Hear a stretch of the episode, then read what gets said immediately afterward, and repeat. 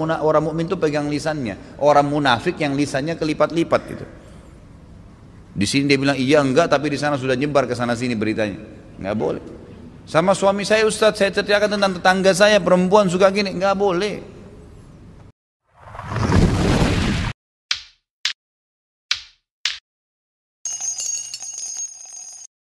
Ciri orang munafik yang pertama suka bohong. Orang mukmin nggak bakal bohong. Gak usah bohong. Kalau sudah berlalu sudah tutup semua. Orang beriman itu punya konsep hidup apa? Yang sudah berlalu sudah selesai. Kalau salah istighfar kepada Allah, jangan ulangi lagi. Kalau baik bersyukur kepada Allah. Hari ini milik dia, isi semua dengan kejujuran, kebaikan, ibadah, amal soleh. Besok itu cuma program, nggak bisa tidak bisa dipastikan. Hari ini lakukan kebaikan-kebaikan. Yang lalu maaf minta maaf kepada Allah, yang ke depannya minta kepada Allah SWT agar dimudahkan bisa mengisi dengan kebaikan. Yang kedua kata Nabi SAW, wa idha wa'ada akhlaf, kalau dia berjanji suka bohong, suka mungkirin janjinya. Itu ciri orang munafik, gitu kan. Berapa banyak subhanallah orang mau jadi kandidat ini, kandidat itu, janjinya seribu. Mana janjinya semua? Tetap aja itu Jakarta macet. Tetap aja itu masalah banyak. Tetap aja begini dan tetap aja begitu. Mana janji-janji nih? Gak ada sama sekali. Subhanallah. Mana mereka dari orang-orang soleh, dari sahabat, dari tabiin yang memang benar-benar imannya tulus kepada Allah Subhanahu Wa Taala. Enggak ada tahu tanggung jawab. Umar bin Khattab sudah sering saya ulangi tidak pernah letakkan kepalanya di ranjang di bantal kecuali sudah keliling Madinah cari tahu tidak ada lagi yang punya masalah baru tidur. Kalau enggak dipecahin walaupun dia tidak tidur semalam suntuk. Karena takutnya ada hisap hari kiamat. Janji itu ikrar, Suami ikrar pada saat akad nikah akan berbuat baik dengan istrinya, melindungi, mendidik. Jalanin gak? Itu wa'ad juga, janji itu. Istri berjanji baik mau jadi istri yang baik, menjalani ikrar baik, tapi enggak. Mana? Gitu kan? Ini hati-hati, nggak boleh sifat munafik. Artinya sudah terbuka pintu itu. Jadi kalau munafik itu seperti sebuah rumah, kita sudah mulai naikin tangganya itu kalau bohong. Tambah lagi pungkirin janji naik lagi tangga itu. Nanti bisa masuk ke rumah munafikin itu naudzubillah bahaya ini. Dan Allah Subhanahu wa taala mengatakan dalam Al-Qur'an kekal sampai hari kiamat, A'udzu billahi minasyaitonir rajim. Innal munafiqina fid darkil asfali minan nar. Orang-orang munafik itu ada di, da, di dasarnya api neraka. Kata para ulama, dasar yang dimaksud dark ini dasar api neraka yang paling berat siksaannya, yang paling gelap dan di bawah itu di, secara tingkat di bawahnya orang-orang kafir dan secara siksaan di atasnya orang-orang kafir. Karena jelas orang kafir jelas kekufurannya ini nggak jelas.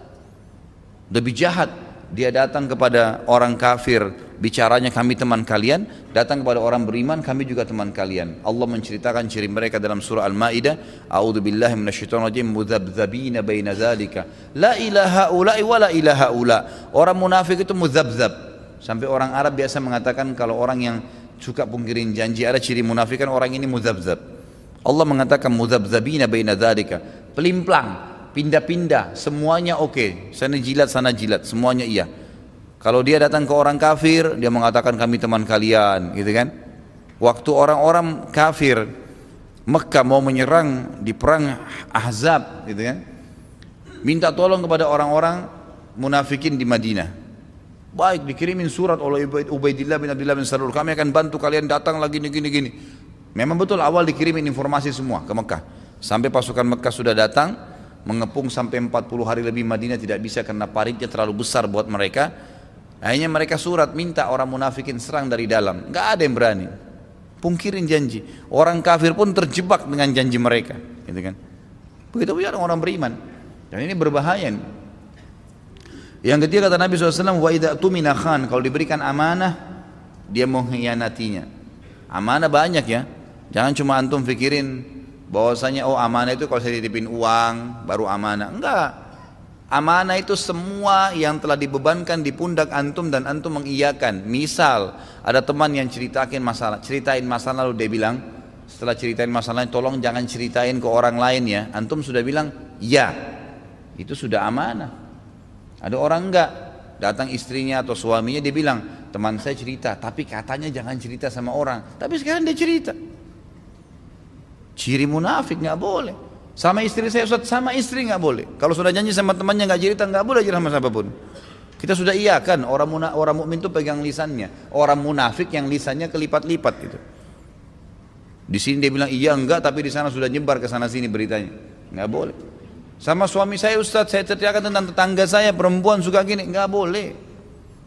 Nggak usah gitu. Kecuali kalau memang dasarnya kita tahu ada keburukan, ciri Nabi Shallallahu Alaihi Wasallam sering kali kalau mau menegur satu kaum mengatakan, kenapa ya ada kaum yang begini? saja. Tidak pernah Nabi mengatakan, oh si fulan, si fulan, sebut namanya nggak pernah. Nabi SAW pernah mengutus seseorang mengumpulkan zakat.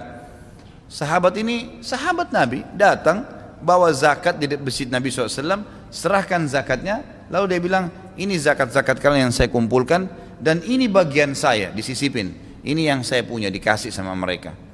Nabi SAW langsung naik di mimbar setelah tahmid dan salawat mengatakan tahu siapa orang ini? Namanya siapa? Para perawi hadis menyebutkan namanya orang ini. Ini adalah si fulan bin fulan gitu kan? Kata Nabi SAW kenapa ya? Ada orang yang saya tugaskan mengumpulkan zakat tahu siapa orangnya? Gitu kan?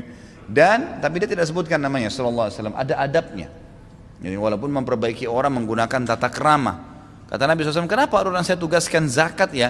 Tapi dia mengatakan ini zakat kalian dan ini punya saya. Kalau seandainya memang dia mustahik orang yang layak dapat zakat, duduk aja di rumahnya. Nanti akan datang kok bagiannya. Ngapain dia harus ngambil dari tengah jalan sudah dianggap bagiannya dia sendiri.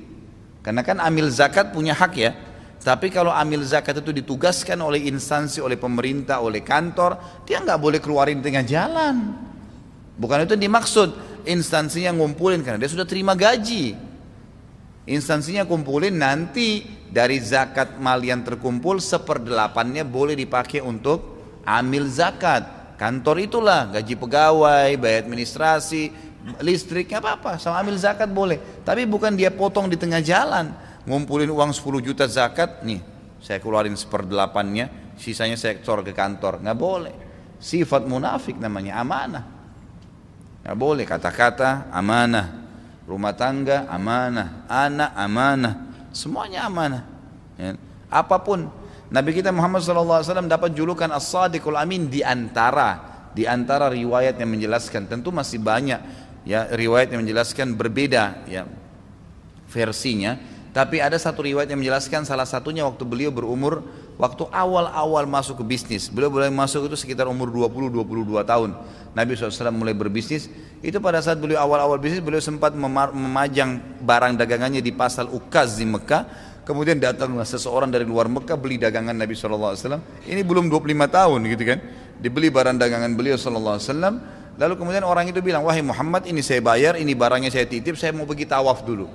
Ini orang musyrik ini sembah-sembah berhala. Tapi waktu itu belum ada risalah kenabian lalu orang itu habis tawaf pulang ke kampungnya lupa kalau dia beli barang dari Nabi SAW Keingatnya kapan? Tiga hari kemudian. Setelah tiga hari dia ingat dia kembali ke Mekah. Oh kayaknya saya beli barang dari Muhammad nih. Buru-buru lari. Masuk ke pasar Ukas. Dia kaget menemukan Nabi SAW dengan posisi yang sama. Tiga hari nggak bergerak. Jaga barangnya orang. Orang itu langsung mengatakan, wahai Muhammad, kau begini jaga barang saya dari tiga hari. Dia bilang, iya. Kamu kan bilang tunggu. Maka saya jaga. Tersebar satu Mekah, semua Mekah mengatakan as-sadiqul amin, orang yang jujur dan terpercaya. Memang begitu dalam Islam. Nggak boleh kita khianati itu. Amanah ya amanah, gitu kan? Nggak boleh ceritain sama orang. Kalau kita sudah bilang, iya, sudah sudah iya kan. Ini cirinya. Dalam hadis yang lain, Nabi kita Muhammad SAW menambahkan hadisnya, kata beliau dalam hadis Hakim, riwayat Hakim dengan sanad yang sahih, ada empat hal. Kalau ada pada diri seseorang pastikan dia munafik tulen. Disebutkan tiga tadi. Idza haddatsa kadzab kalau dia berbicara dia bohong.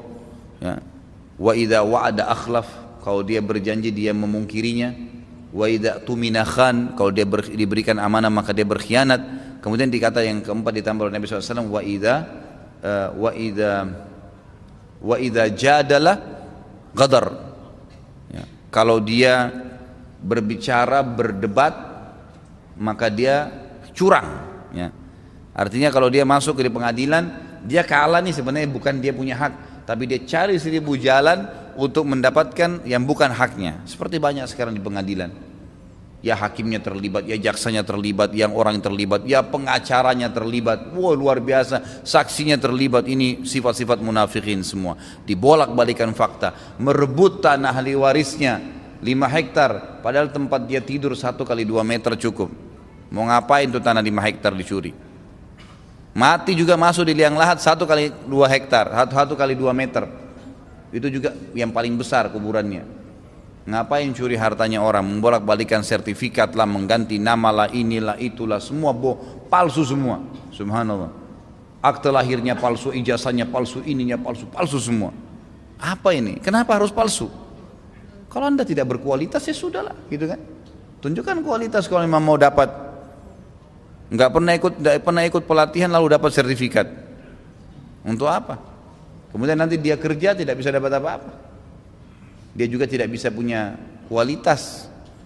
Nggak bisa. Subhanallah mau berkhianat seakan-akan Allah SWT tidak tahu itu. Jadi harus hati-hati